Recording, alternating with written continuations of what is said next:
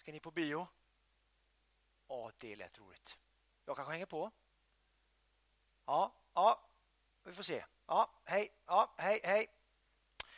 Och nu kommer en grej till här. Nu ska de gå och fika här. Ja, det kanske jag också vill göra. Och sen ska jag köpa den där bilen som den här annonsen ger mig. Det ska jag också göra. Det är så mycket i våra liv som kallar på oss. Det är så mycket som vi i våra liv får uppleva som kallar på oss. Och i min telefon, jag har faktiskt valt att ta bort eh, notiser, men det finns väldigt mycket som kallar på min uppmärksamhet. Det kan vara Instagram som ropar på mig, titta på mig, öppna mig. Och Facebook är likadan. Se mig. Och Aftonbladet också. Använd mig. Och TikTok influeras av mig.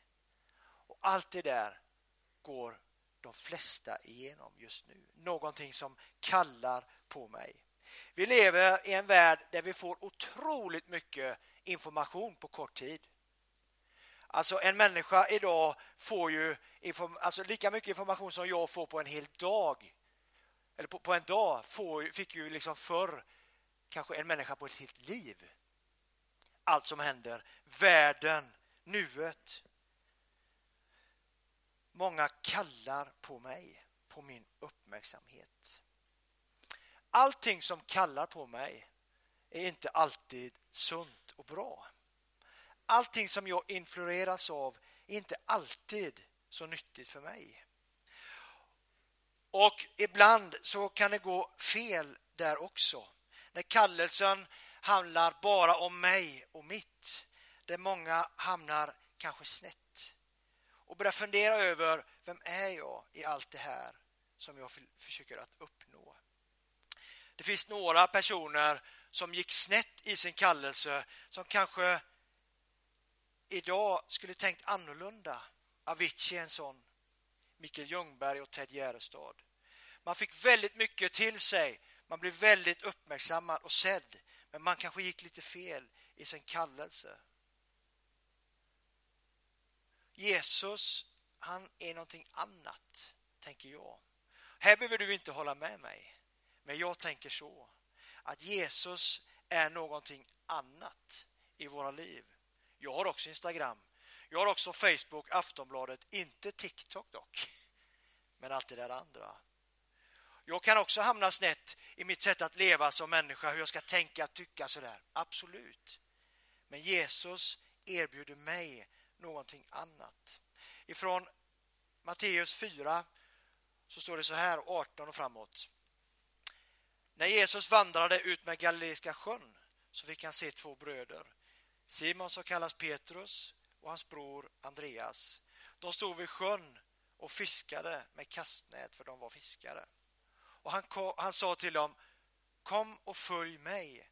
Jag ska göra er till människofiskare.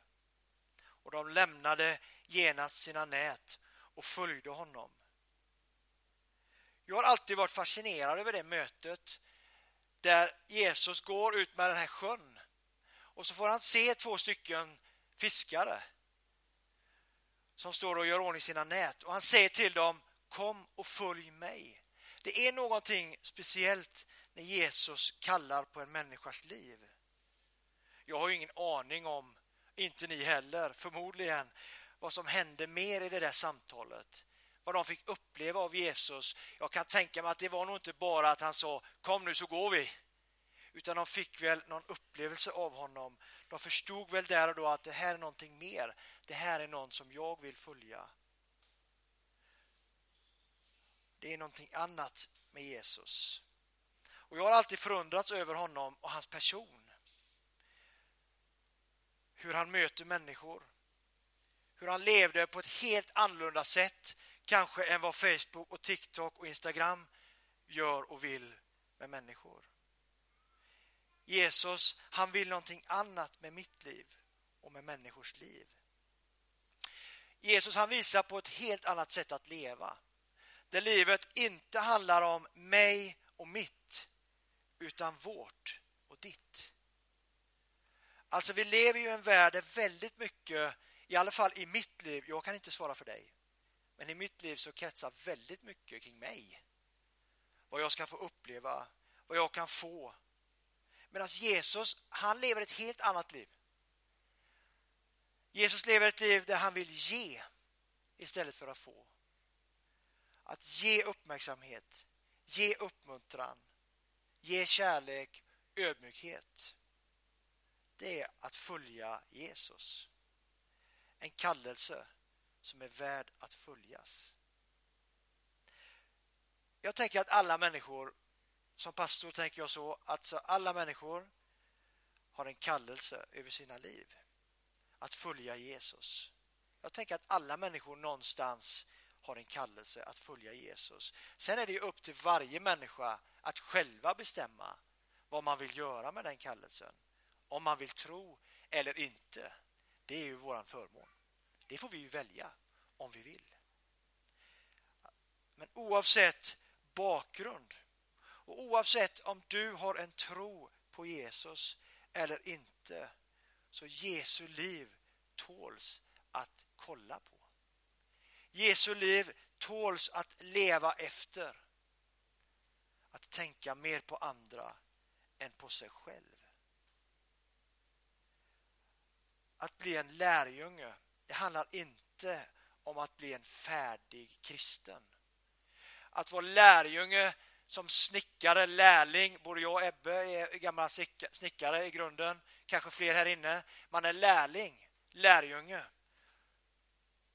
Man lär sig, man funderar, man brottas, man gör misstag. Oj, vad många misstag jag kan göra i mitt liv. Du också. Men vi får göra om. Jag minns på Ronsen när jag eh, skulle sätta in ett fönster.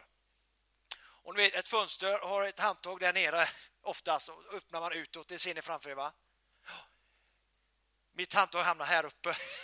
Jag vände på rutan. Det blev fel.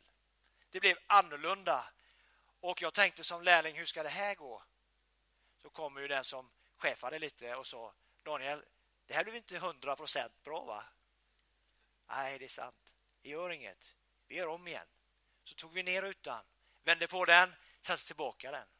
Och så är det för oss också. Vi gör fel och misstag. Och det är helt okej. Okay. Jesus står inte där och bara pekar på dig och säger att du har gjort fel. Han vill hjälpa oss också. Och det är kallelsen. Det är kallelsen. Att få följa en Jesus som faktiskt vill mitt bästa och inte bara sitt eget bästa. Och jag tänker som avslutning att tron faktiskt är på riktigt. Jag tänker så. Tron är på riktigt och tron finns där att upplevas och leva.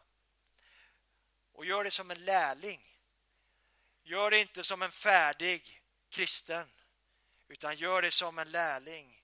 Vi lär oss hela tiden om det kristna livet och om Jesus. Och så får vi göra fel.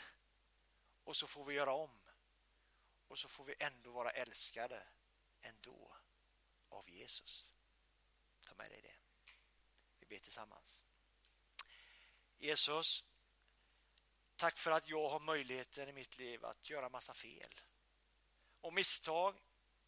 Jag får ändå din kärlek, Jesus. Jag får ändå uppmuntran, Herre, av dig, Jesus. Tack för att du finns där för varje människa som vill tro, Herre.